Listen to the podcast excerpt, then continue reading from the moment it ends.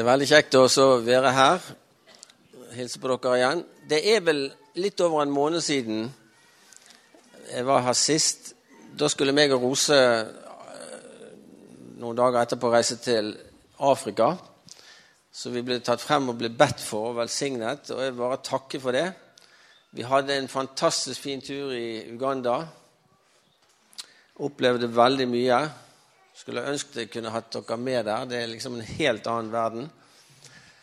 Og eh, det ga oss veldig mye, og vi fikk lov å blåse litt inn i det bålet som allerede brenner der. Det var fantastisk eh, berikende for oss. Kanskje vi skal bare bøye oss litt. Himmelske Far, takk for det er en salvelse over denne plassen i Jesu navn. Takk at det er en salvelse til å kunne både tale ditt ord, men også å høre ditt ord. Så vi bøyer oss for deg, Herre, at du skal øse frisk og ny salvelse over hver enkelt som er her, sånn at vi kan høre og møte med deg. At du kan gjøre noen nye ting i livet vårt, i tankene våre, i atferden vår. Takk at du er her. Takk at du er virksom ved Din Hellige Ånd. Amen. Det er en del ting jeg har tenkt på så jeg bare går rett på. Det er ett ord som står i apostelgjerningene. Jeg regner med du kjenner Bibelen ganske godt. Så jeg vet ikke om jeg skal ta tid å slå opp, men det står i apostelgjerningene 26, vers 19. Hvis du har lyst til å lage notater. Derfor, kong Agrippa, ble jeg ikke ulydig mot det himmelske syn. Altså, det var Paulus, dette her, som hadde blitt fengslet og slept inn for kong Agrippa. Og Han vil gjerne høre hva er argumentene dine. Hvorfor driver du dette her arbeidet du gjør, som snur opp ned over alt du kommer, på vanlig tenkemåte? Det vi kaller vekkelse. Så forklarer Paulus det at eh, det hadde skjedd noen ting med han når han var på vei og forfulgte disse Jesus etterfølgerne, de Jesus-troende, så har han fått mandat fra yppersteprestene i datidens Israel til å så hanke inn disse her, denne sekten som forstyrret så veldig rundt omkring, som het Jesu etterfølgere. Og han var på vei til å fengsle og få slept de tilbake igjen til Jerusalem for å stille de til doms, og en del av de vet vi ble henrettet, faktisk. Men så skjedde jo det at Gud møtte han på veien til Damaskus. Plutselig så opplevde han et voldsomt lys som omga han. Det blendet han og blindet han. Han falt til jorden. Og midt inni dette her så hørte han da en stemme. Er det noen som vet hva den, den sa til han? Som, som forandret hele livet hans. Paulus spurte jo da inni dette, han forsto det var et nærvær av noe. Såpass religiøs var han. Så det, sa denne stemmen, 'Jeg er Jesus, han som du forfølger'. Og Det kunne jo gjerne skapt litt hodebry for Paulus, for han kjente jo ikke Jesus. Han hadde hørt om Jesus.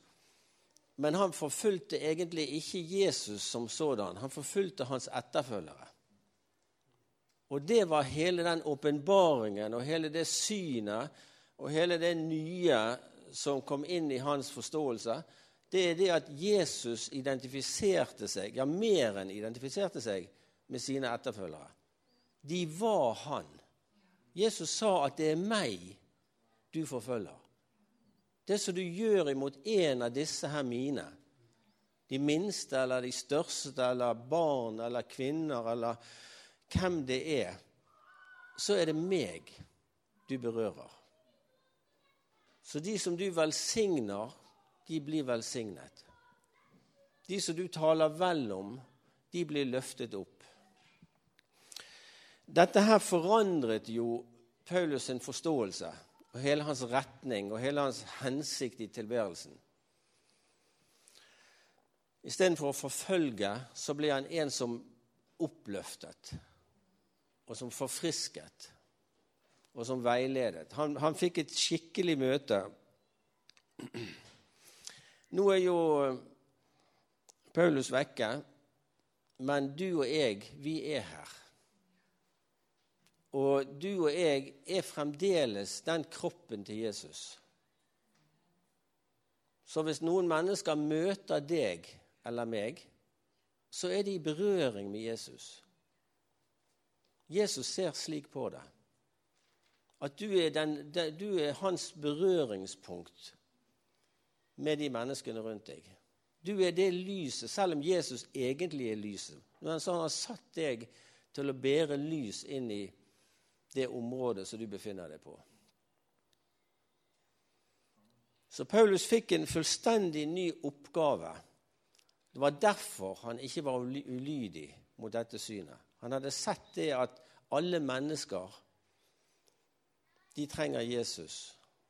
Og hans folk, de er de som bærer Jesus ut og berører folkene.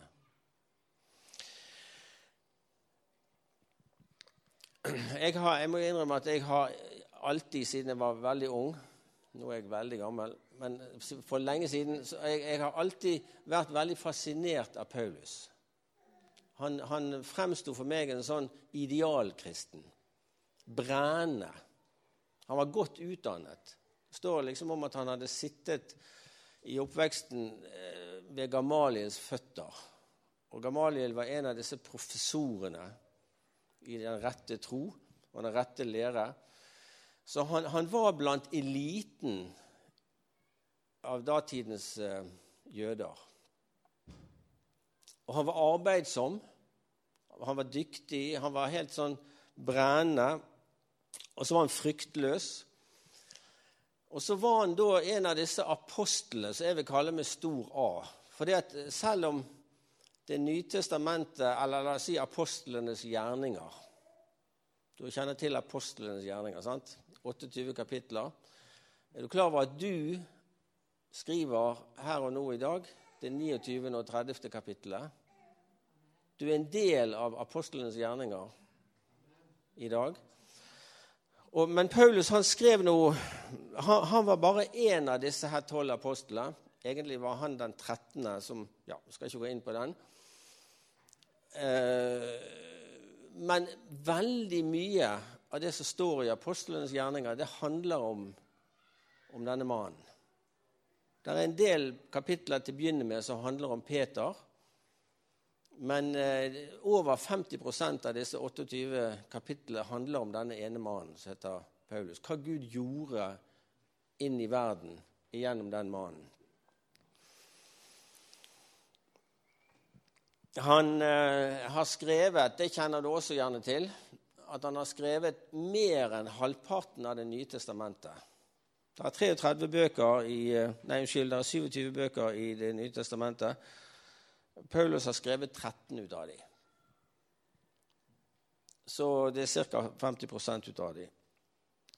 Han var i grunnen eh, kristenhetens sånn første visjonsbærer hans ord og innflytelse og tanker og påvirkning, det forandret verdenshistorien. Det tror jeg vi kan se. Og ikke bare den tidens utvikling, men fremdeles så har Paulus sine ord og sine um, handlinger stor innflytelse i det som skjer rundt, rundt på jorden. Han siteres nå skal jeg ikke på noen måte si at Paulus overskygger Jesus, men han var tent sånn til de grader i brann av Jesus at uh, alle andre Nå feirer vi jo f.eks. 500 år siden Martin Luther skrev disse berømte tesene sine og gjorde de kjent. Og det forandret Europa og Skandinavia. Troen alene, Guds ord alene, Guds nåde alene er nok. Vi trenger ikke denne avlaten. Vi trenger ikke disse mellommennene. Vi kan komme til Jesus sånn som vi er. Det forandret hele forståelsen. Og nå skal ikke jeg, eh, men, men egentlig var det jo det at Luther, med all respekt for han og det viktige arbeidet han gjorde, så gravde han bare vekk all den møkken som hadde lagt seg oppå det evangeliet. Som egentlig Paulus hadde skrevet i romerbrevet. Han bare rensket det opp, tørket støv av det, løftet det frem igjen. De samme tingene. Så det her synet som Paulus fikk på Damaskusveien, det var enormt viktig. Og jeg tror at Jesus møter oss mennesker i dag også på lignende måter. Det kan hende vi møter han i et stort lys, i en stor kraftsopplevelse. Men veldig ofte tror jeg han møter oss gjennom sin kropp. Gjennom lemmene på dette legemet. Jeg var veldig oppmuntret over at du åpnet opp for Øystein. sant? At nå er vi sammen her. Vi er Jesu legeme. Kom og så del det som du kjenner liv for. Det som du kjenner han vil skal komme frem. Det er en, det er en fantastisk dynamikk. Det skal dere utvikle videre. For da kommer Jesus til syne gjennom sin kropp. Da er det ikke bare liksom et lovsangsteam, dyktig som de måtte være, eller en predikant, fantastisk som han måtte være. Men det er gjennom legemet. Det er gjennom samspillet mellom alle lemmene. Det er der salvelsen er. Den er ikke på én mann eller på én kvinne. Den er over legemet. Så i den grad vi kan få legemet i funksjon, samhandling, sammensveiset, så er Guds rike manifestert.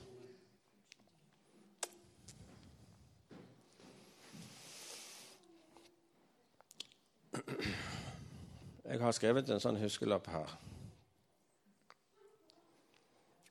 Uh, Paulus han fremsto for meg da som ung som en som alltid var ovenpå.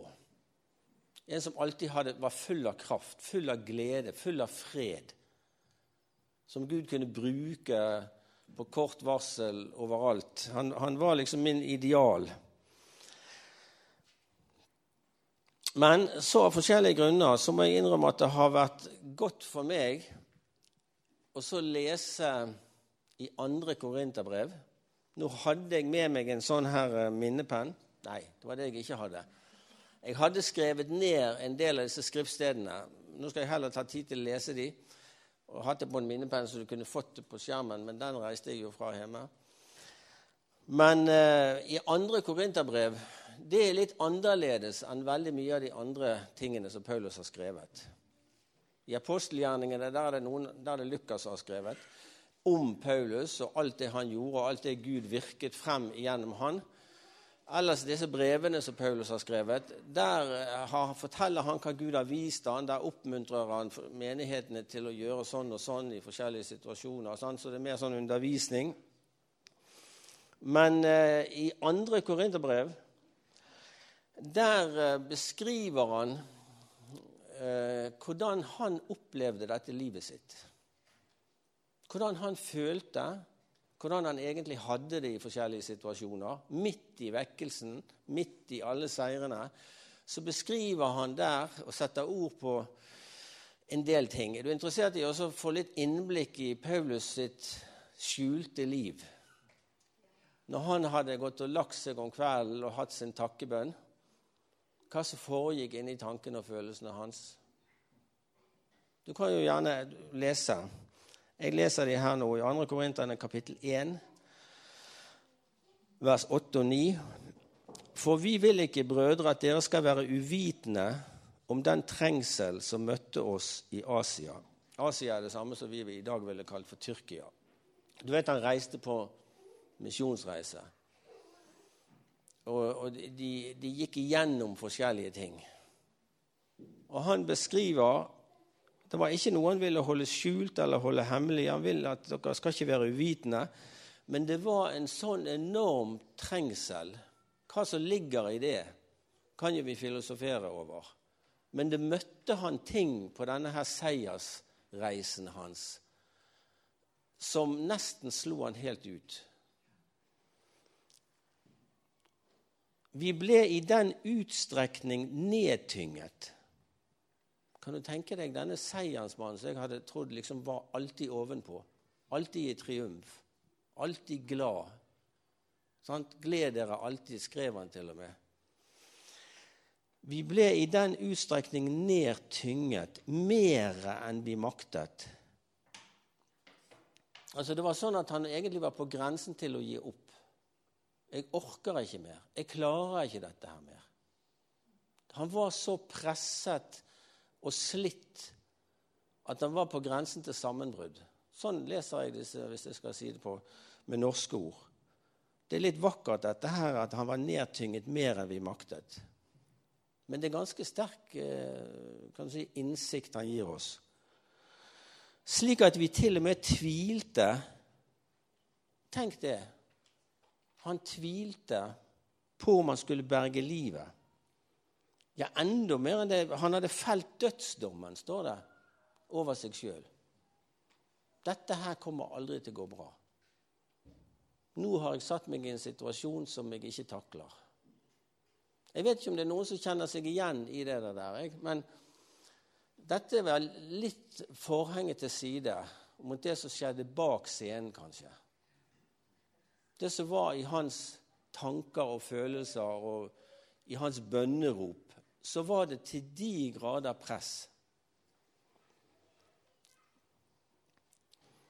For at ikke vi skulle stole på oss selv, men på Gud, som oppvekker de døde. Han kommer med et lite håp der. Vi er egentlig, Det er helt ute med oss. Vi har ingenting av det som dette, denne situasjonen krever. Hvis ikke Gud virkelig gjenoppretter. Hvis ikke Gud er den som vekker opp til og med de døde. Så langt nede var han. Dette var ment som en oppmuntring. Men eh, jeg kan tenke meg at det, det, har noe litt sammenheng med at for, for dette idealet mitt av dette seirende kristenlivet Dette alltid ovenpå, full av glede og triumf og victory hver eneste dag. Det, det var en del ting jeg gikk igjennom for en del år tilbake som gjorde det faktisk veldig godt å lese om at Paulus, denne mannen jeg hadde satt så veldig høyt, han hadde det faktisk ganske likt sånn som jeg hadde det av og til. Nedtynget. Tvile. Orker jeg dette her mer?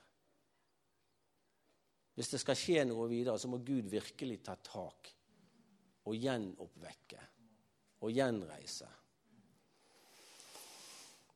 Kapittel 4, vers 7. Men vi har denne skatten, altså dette nye livet, dette oppstandelseslivet, denne seiersvissheten, denne troen som er født av Gud. Vi har den i et leirkar, står det i hvert fall i den gamle Bibelen. Jeg vet ikke hva det står i de nye. Jeg har tatt med en sånn krukke den er laget av leire. Det er et leirkar. Det er tatt av jordens muld. I Afrika så er det veldig mye sånn rød jord. De bare klanker det sammen, og så lager de Egentlig lager de mye murstein for tiden. Men dette er noe lignende. Det er litt leire. Og så er den vært på en dreieskive, og så er den formet til å ha en funksjon. Sånn er det med deg og meg også. At du er formet til å være et visst kar med en viss funksjon. For å romme noen ting. Vi har denne skatten i leirkart for at den veldige kraften skal være av Gud og ikke av oss. Så Gud har puttet noen ting av enorm verdi. Gull vi ofte sammenligner det med et lys. Han har fylt salveolje inn i denne her. Men så ser dere gjerne at det er en, denne her har vært igjennom, denne krukken her Den har vært igjennom litt av hvert i sitt liv. Vi har hatt den lenge, Så i dag så spurte jeg Rose hvor er den der krukken som jeg pleier å dunke borti hver gang jeg er ute med gressklipperen. Han pleier å stå der og der. Han var vekke. Og så var Rose ute og krøp litt og fant at han ligger jo under den der redskapsboden nede i hagen der. Og jeg måtte ned på alle fire og grave han frem. Han lå langt under der, og han hadde viklet seg inn i masse rot som også lå der. Og hønsenetting og sånt. Det der ble litt mye detaljer. Men enkelte ganger så har vi også gjerne rotet oss vekk under et eller annet sted. I mørket og i møkk. Innviklet i noe hønsenetting eller noe garn eller noe greier. Og vi har kanskje både fått skit, for det er litt skit på han ennå, og grønske og sprekker og litt av hvert. Men like fullt så er det en krukke. Og jeg vil si at han er vakrere når han har vært igjennom litt. Når han har noen hakk. Det er noe som er flasset av og dunket av, antagelig av gressklipperen min. Og Rose har vært tålmodig og, og limt sammen igjen, for han har slått av hele stykker. Den kan stå der som et symbol, kanskje, på mitt og ditt liv. At eh, Gud har lagt denne her skatten inn i din krukke, uansett hvordan den ser ut i dag, så er skatten der. Uansett hva skader, hva sprekker, hva som måtte feste seg på utsiden, det er en verdi. Han, Gud forkaster ikke lerkrukker som det har blitt noen hakk i, så det har blitt noen sprekker i, så det har blitt noe skit på. Skal jeg si deg, Han fyller mer skatt i. Det er hans metode. Han har en helt annen tankegang enn gjerne vi har, vi forbrukere. Hvis det er et eller annet som er lite hakk i, så hiver vi det. Det er ikke så nøye. Vi kjøper en ny. Får det billig. Gud tenker helt annerledes om deg og meg. Vi er hardt trengt på alle kanter, sier Paulus i kapittel 4, vers 8. Men vi er ikke knust. Vi er hardt presset Altså trengt. Jeg vet ikke noe bedre ord. Vi er tvilrådige. Vi er forfulgte.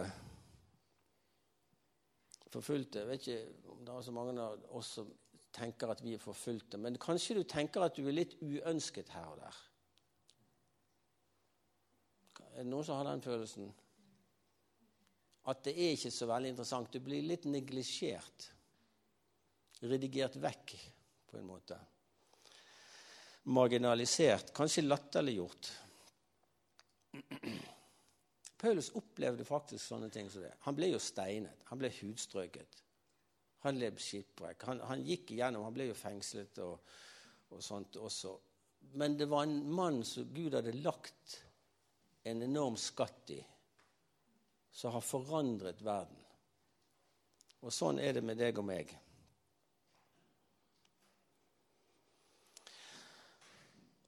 Jeg vet ikke om du føler at uh, du er presset noen steder. Er det noen som kjenner seg igjen i det der? På, her sto det at han, vi er hardt trengt på alle kanter. Hva kanter har du? Hva med økonomien din, hvis det er en sånn spekter? Det er mange som kjenner seg hardt presset, hardt trengt på det området der. Hva med relasjonene dine? Jeg har jo jobbet i skoleverket i en del år.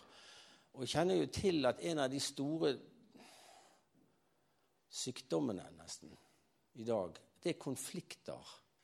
Ofte mellom barn og foreldre. Kanskje mellom søsken til og med, eller halvsøsken.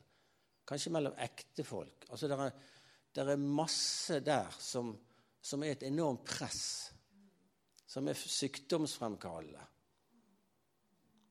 på alle kanter. Nå har jeg nevnt bare to kanter.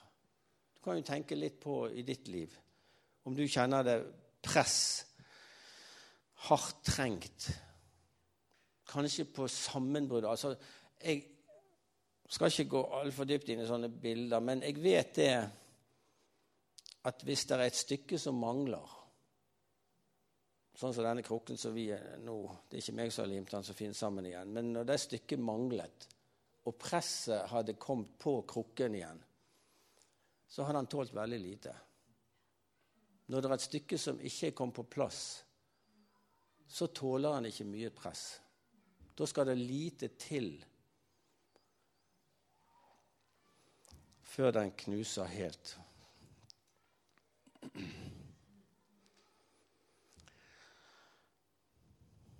Kapittel 12. Og for at jeg ikke skulle bli hovmodig på grunn av de høye åpenbaringene, er det gitt meg en tårn i kjødet. Det har vært skrevet mange bøker omkring hva den tårnen er for noe. Jeg skal ikke gå inn på det, og har ikke svaret på det. Det er mange som kan sikkert komme med utlegninger om det. Jeg ser på en altså det, er mange, det er mange teorier om hva, hva er den tårnen.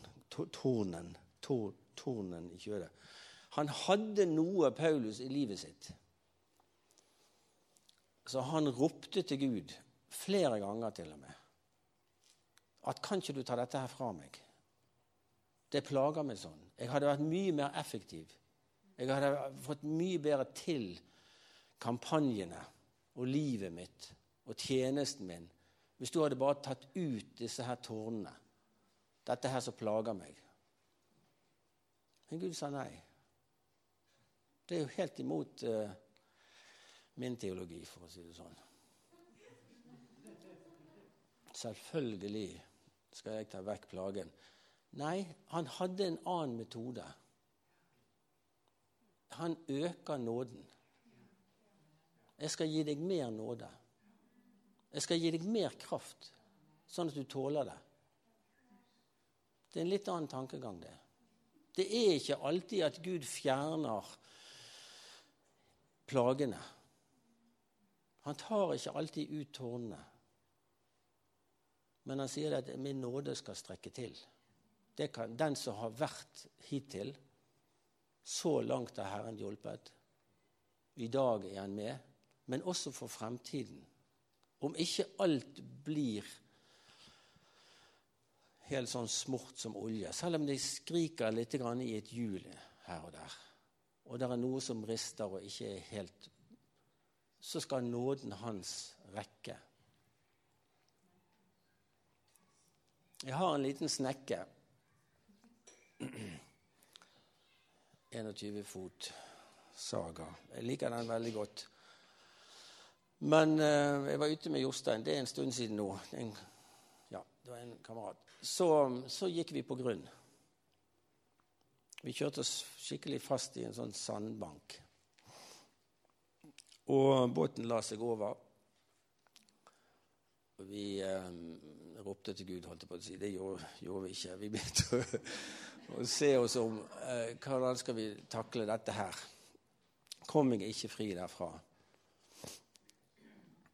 og lurte på om jeg skulle gå ned og hoppe ned sjøen, for jeg kunne jo stå på bunnen der og så få spadet vekk noen av disse sand, sanddynene og sandbankene og, og liksom fått, fått, fjernet litt av det, noen stokker og noen steiner som var der, sånn at jeg kunne få han kanskje lirket tilbake igjen. da. Han hadde kjørt en skikkelig grøft inn der.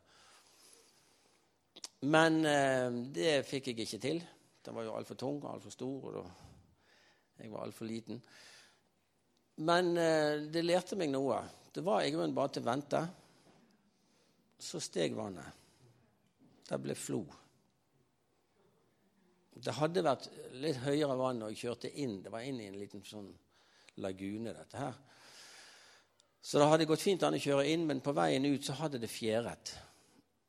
Og det hadde jeg ikke kalkulert med, så vi kjørte oss fast. Og da måtte vi bare vente litt.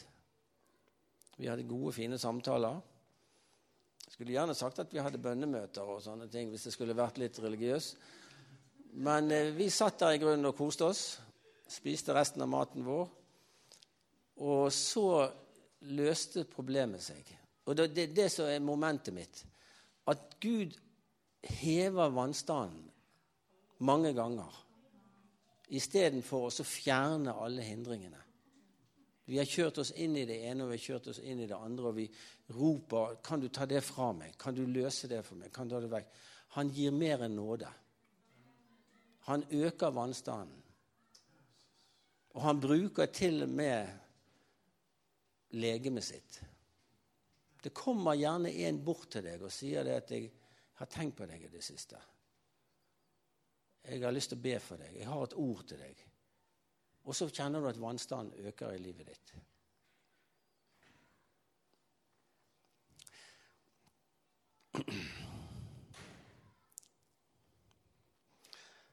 Min nåde er nok for deg,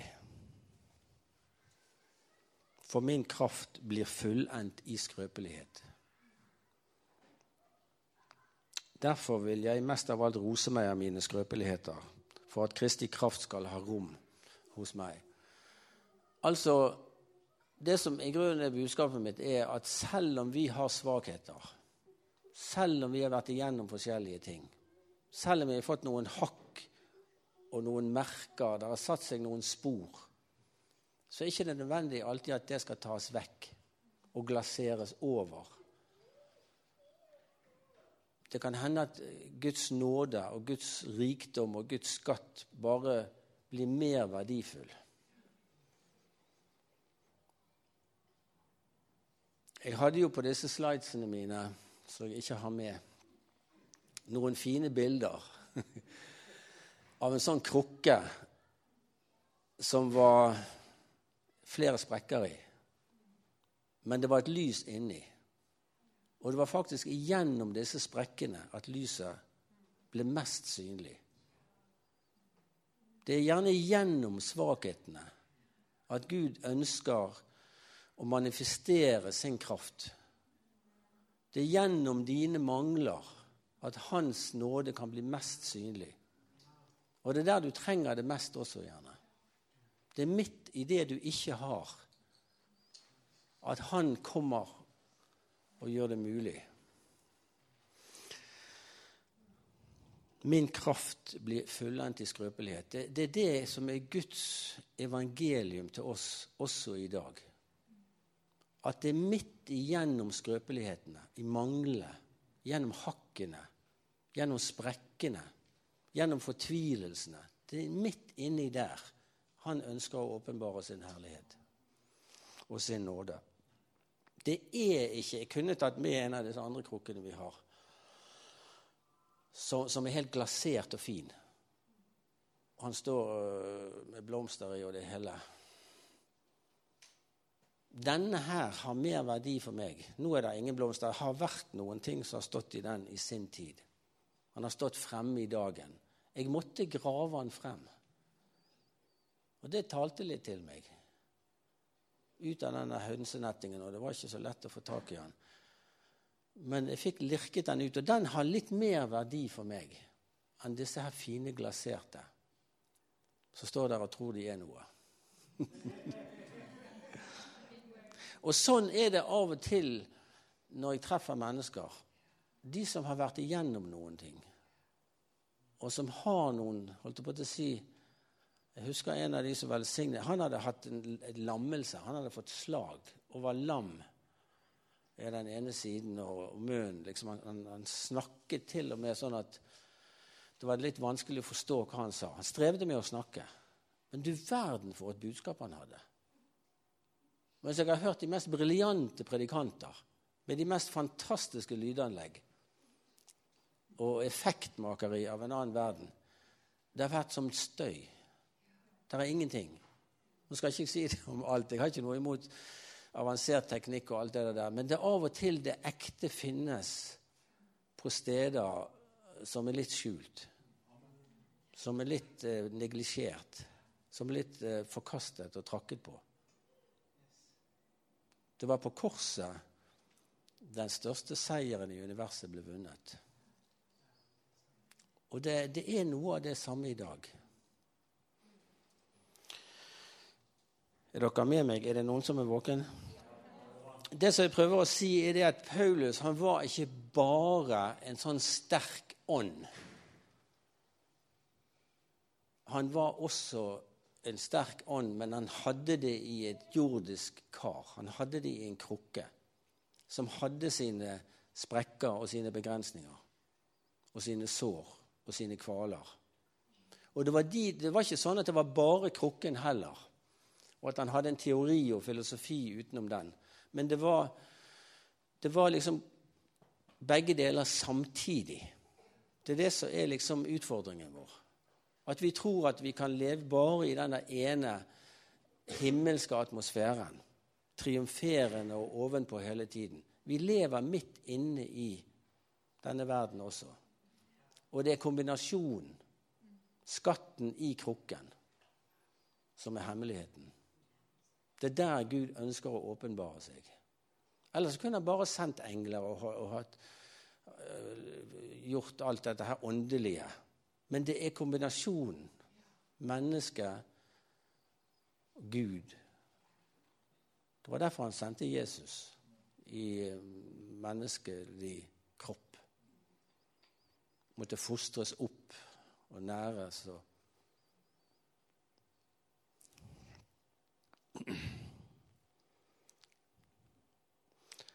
Han opplevde å være i nød og angst og trengsel og svakhet. Og det er ikke det at jeg skal forherlige det, men jeg vil, jeg vil gjerne ta det med, for det lærte meg noe nytt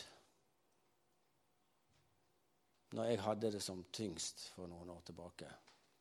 At midt der er Guds sterkeste stede. Dere har sikkert hørt det der diktet om det er fint, Jeg kan jo ikke det diktet, jeg burde ikke kommet inn på det. Men det var denne, disse, to, disse to som gikk på sandstranden med disse fotofarerne. Og så plutselig så var det bare én som gikk der. Og så anklager han Gud liksom Hvorfor var du vekke når det var som tyngst i livet mitt? Nei, det er nettopp der det er meg som ber deg. Det er derfor det er bare ett spor. Det er noe i det der.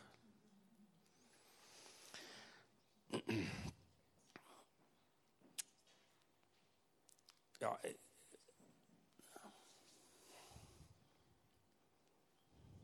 han vedkjente seg denne siden av sitt liv. Jeg vil ikke, brødre, at dere skal være uvitende. For de hadde sikkert lest apostelgjerningene. Nå hadde de jo ikke det. Det var ikke skrevet ennå. Men de kjente nok til Paulus og hans store gjerninger. Han var kjent over hele verden på den tiden. Men jeg vil gjerne at dere skal vite hvordan jeg egentlig har det også. Midt oppi det hele. Så er Gud virksom. Men jeg er svak. Jeg har trengsel. Jeg har angst. Tror du det at Paulus hadde angst? At han tvilte? Det er jo, det er jo syndig å tvile, liksom. Det lærte jeg i en viss tid. Men, men, men uh, hvorfor står det da i apostelgjerningene at det var en engel Det var en, det var en natt og Paulus ble vekket av en engel og sa til han, 'Frykt ikke, vær ikke redd. Du skal stå frem og tale i den og den byen likevel.' Han må jo ha vært redd. Han må jo ha ropt til Gud i sin angst og i sitt mørke og sin press, i sitt press. Dette går ikke mer. Så kommer en engel og røsker igjen. Ikke vær redd, Paulus. Jeg er med deg. Ikke ha angst. Du skal komme ut herfra. Du skal tale videre i den, den byen, fikk jeg oppgitt. Så han var vel kjent med den siden. Han vedkjente det. Det er fremdeles midt i svakhet at Gud, Gud velger å åpenbare sin kraft i dag. Det er i alt dette, som det står i Romerbrevet, det er i alt dette vi vinner mer enn seier. Nå står det ikke spesifisert Jo, det står vel gjerne det, hva, det, hva alt dette er for noe. Men det var ganske mange forskjellige ting som ble beskrevet der. Men i alt det der på tross av de, de tingene ikke er vekke, så skal vi vinne mer enn seier. Det står i slutten av Rom, eh, Romane 8, det der.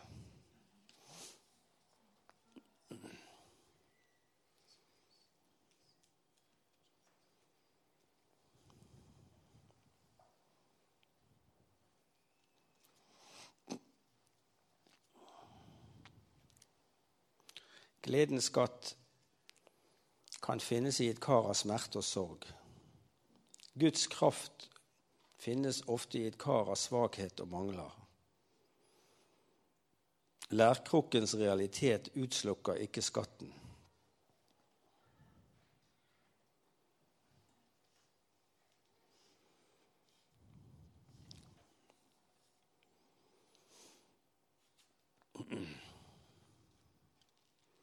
Er en eh, sang vi sang Dere som eh, vet det er noen som er fra Sverige, dere kjenner, men er kanskje kjent eh, Men han gir mer av nåd. Når motgangene møter oss, jo større motganger, jo mer nåde gir han. Når kraften vår er helt tømt ut og vekke. Det er der Gud elsker å inngi sin kraft. Det er der vi ikke får det til og har noe særlig Vi tviler på om vi har det som skal til. Det er der han sender noen i vår vei og knytter oss sammen. Sånn at aleine ville vi aldri klart det, men to eller tre overvinner tusen. Det er noe av den synergien som skjer når vi er sammen med andre.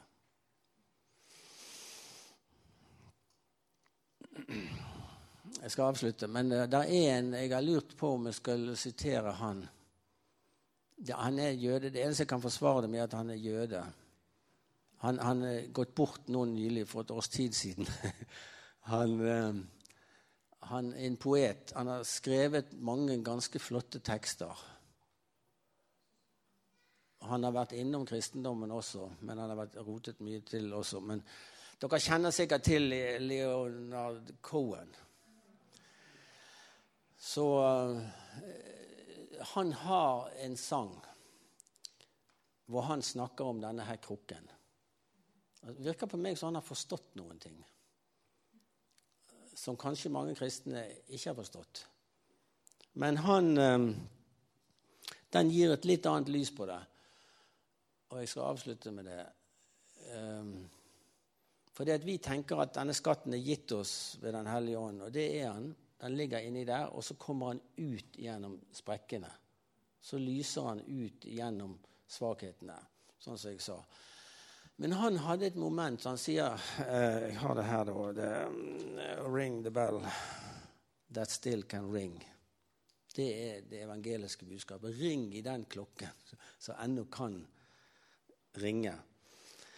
Forget about your perfect offering. There is a crack in everything. There's a crack in everything. That is how the light gets in. Fikk du med deg det? There's a crack in everything. Det kan hende det er en del sprekker og mangler, ufullkommenheter i din krukke og ditt liv. Og i din erfaring har det blitt sånn og sånn. Men igjennom de tingene kan nådens lys komme inn. Det er ikke bare det at det skal komme ut gjennom oss, og vi skal gi og vi skal yte. Men vedkjenner du deg her er en sprekk, her er en mangel, der er noe som er knust. Der er noe som trenger å renskes og skrubbes opp. Så er det gjennom de svakhetene Guds nådes lys kan komme inn. There's a crack in everything. That's how the light gets in. That's how the light gets in. Jeg har spurt Rosa uh, om hun vil uh, ta en avslutning her. For jeg har i grunnen sagt det som jeg kjente for. At uansett hvem du er, hvordan livet ditt er, hvordan historien din er, og erfaringen din er, så kan Guds nåde og Guds kraft være virksom, spesielt der hvor det er noen svakheter.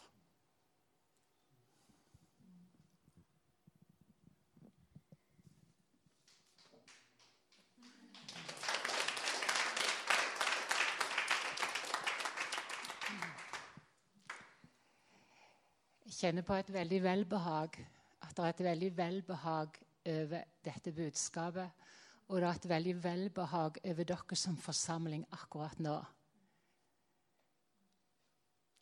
Mange ganger så tenker vi at når vi var i de store skarene, når vi var med de, i de store, det store suset, det store antallet, det store Det var da vi var sterke, det var da vi var på høydene.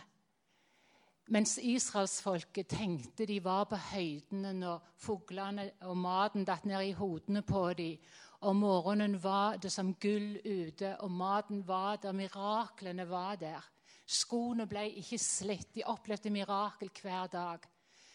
Og så kom de og ble løfta opp på et nytt plan. De kom inn og skulle innta løftets land. Og da sto de personlig imot fiender, så de måtte ta et skritt i tro. Og Moses var ikke der. Lederne var ikke der. De måtte ta skritt i tro alene imot de store kjempene i landet. Og jeg føler litt på at mange av dere står der nå, at dere møter noen kjemper, at dere står der og dere tenker hvor er storhetstida? Hvor er den blitt av? Hvor er suset? Hvor er mirakelen? Kan dere få av den telefonen? Hvor er miraklene? Hvor er suset? Hvor er plattformen? Hvor er lyset? Hvor er mikrofonene? Hvor er lovsangsteamet? Hvor er millionene? Er dere med? Vi er gått 15 skritt tilbake. Men det er det som er løgnen.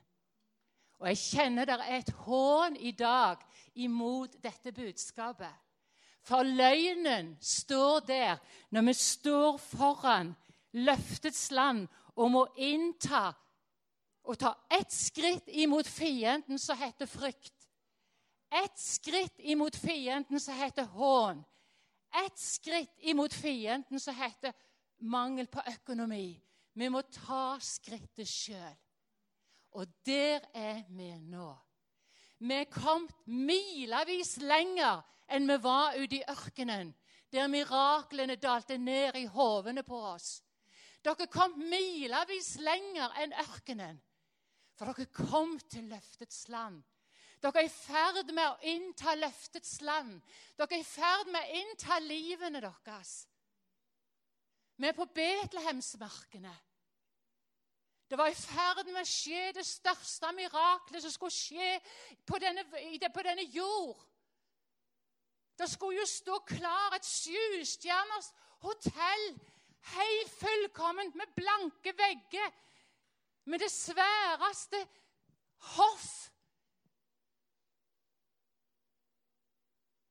For det største mirakel var i ferd med å skje. Og det største mirakelet er i ferd med å skje med deg akkurat nå.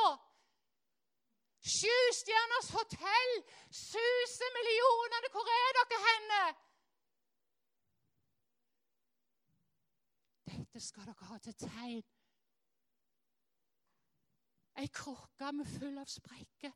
En stall full av skade. Ei krybbe så full av skit. Dette skal dere ha til tegn. Det var en stall der det var ikke tette vegger. Det var ei krybbe som var full av skit. Hvor var det sjustjerners hotellet? Hvor var susen? Hvor var miraklene henne? Dette skal dere ha til tegn. Og tegnet er her. Tegnet er nå. Dette skal dere ha til tegn. Dere skal finne et barn som er svøpt og ligger i en krybbe, i en stall. Og det er der du er nå. Det er realiteten i livet ditt. Det er der du møter Jesus Kristus sjøl. Det er ditt tegn. Det er der du møter din egen angst. Det er der du møter ditt eget liv. Det er der du må gå ned fra plattformen og dette ned på dine kne. Og hvorfor måtte det knuses alt i ditt liv? Hvorfor måtte det knuses alt i mitt liv? Hvorfor måtte jeg bli avkledd? Gud! Jeg var så mye vakrere før. Jeg var så mye flinkere før. Jeg kunne jo alt før. Men Gud måtte kle av meg. Gud måtte knuse meg. Alt det vakre jeg hadde i hendene mine, alt jeg kunne. Han måtte ta det ifra meg. Han måtte kle av meg. Hvorfor? Så står det her for at resten av menneskene skal søke Herren. Derfor vil jeg igjen oppbygge ruinene. Derfor knuste jeg alt du var. Derfor måtte jeg bygge ned alle de store plattformene. Jeg måtte hogge ned alle de store trærne, for de skygde for meg. Men det var ruinene. Det er ruinene som nå bærer min salvelse. Det er stallen, det er krybben, det er ruinene. Der kunne gjeterne komme. Det kunne de forholde seg til. Krybben, det var noe kjent. Lukt av skit, av lort. Stallen, det var noe de kunne komme til. Og verden har lenge lengta til dette punktet, der vi ble avkledd, der vi ble dårligere stilt enn deg, der vi lå lenger nede i grøftene enn deg. Da var det håp for deg. Er dere med? Da var det håp for deg. Og det var for at resten av menneskene skal søke Herren. Ja, til og med alle hedningefolk som har kalt ved mitt navn. Derfor vil jeg igjen bygge opp dine ruiner, står der. Og jeg kjenner på at det er et punkt i noen sitt liv for fienden har prøvd å håne et eller annet i ditt liv i kveld. Han har prøvd å håne et område som du har blitt avkledd på. Så har du blitt veldig sårbar. Noe som har gått, gått i stykker i ditt liv. Og det er så viktig for Gud akkurat nå. Det er der hans salvelse kommer nå. For det står at det var de som først var i den største krigen, står det i Jesajas 9. Det var der lyset først skulle bryte igjennom. Det er folk som vandrer i mørket. De som har hatt den største krigen, de skal først få se lyset. Så jeg tror vi skal gjøre et skritt inn i løftets land sammen. Kan vi ikke reise oss opp? For Jeg føler dette er en veldig viktig stund for den enkelte og for, for Guds folk i Bergen, i Norge.